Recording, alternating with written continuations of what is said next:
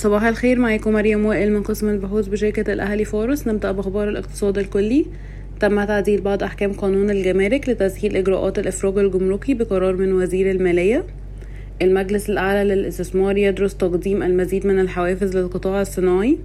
ستطلق الهيئة العامة للاستثمار والمناطق الحرة منصتها الرقمية الجديدة في غضون أيام. ستزود المنصة المستثمرين بخدمات تأسيس الشركات والمصادقة على العقود في مكاتب التوثيق والتسجيل باستخدام التوقيعات الإلكترونية من بين خدمات أخرى. أعيد تعيين محمد فريد رئيسا لهيئة الرقابة المالية لمدة عام آخر. نفذ الحكومة الشائعات المتداولة بأنها باعت أصولا بمليارات الدولارات مملوكة لوزارة الأوقاف. ننتقل لأخبار القطاعات والشركات أعلنت شركة مصر لإنتاج الأسمدة موبكو النتائج المالية المستقلة للربع الثاني من عام 2023 بلغ صافي الربح بعد الضرائب 848 مليون جنيه بزيادة 3% على أساس سنوي وانخفاض 78% على أساس ربع سنوي. ليصل صافي الربح في النصف الأول من عام 2023 إلى 4 مليار 770 مليون جنيه بارتفاع 67% على أساس سنوي.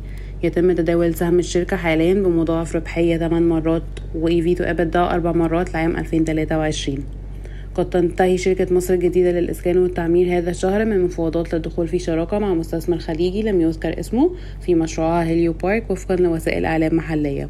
ونفت الشركة تقارير إعلامية تفيد بأنها تعتزم بيع قطعة أرض هيليو بارك لمستثمر محلي بخصم نقدي وصرحت أيضا أنها لم تتلقى أي عروض من مستثمر سعودي لشراء 70% من الشركة مقابل 400 مليون دولار. أطلقت شركة مدينة نصر للإسكان والتعمير ذراع البحث والتطوير مدينة نصر Innovation Labs لتقديم حلول رقمية لسوق العقارات. المنتج الأول للذراع هو طوبة وهو منصة تقدم للعملاء حلولا لشراء العقارات والاستثمار فيها. وتخطط الشركة لتوزيع محفظة مشاريعها في الساحل الشمالي وساحل البحر الأحمر وغرب القاهرة وناصر الجديدة في صعيد مصر. وفقا لوسائل إعلام محلية. يجري بعض من المطورون العقاريون بما في ذلك الديار القطرية وإعمار العقارية محادثات مع الهيئة العامة للاستثمار بشأن توسيع أعمالهم في مصر.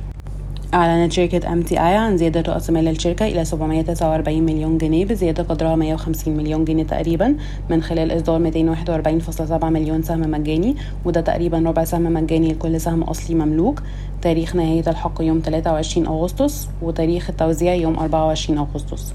تلقت الهيئة العامة للاستثمار والمناطق الحرة ثلاث طلبات استثمارية بقيمة 180 مليون دولار لإنشاء مصانع مغذية في قطاع الأجهزة الكهربائية والمنزلية.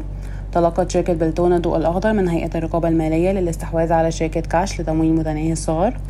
أغلقت شركة CI Capital إصدار سندات توريق بقيمة 700 مليون جنيه لصالح شركة Reefy Microfinance يستعد بنك مصر لإطلاق شركة مدفوعات رقمية جديدة بالشراكة مع العديد من المؤسسات المالية بما في ذلك بنك القاهرة. شكرا ويوم سعيد.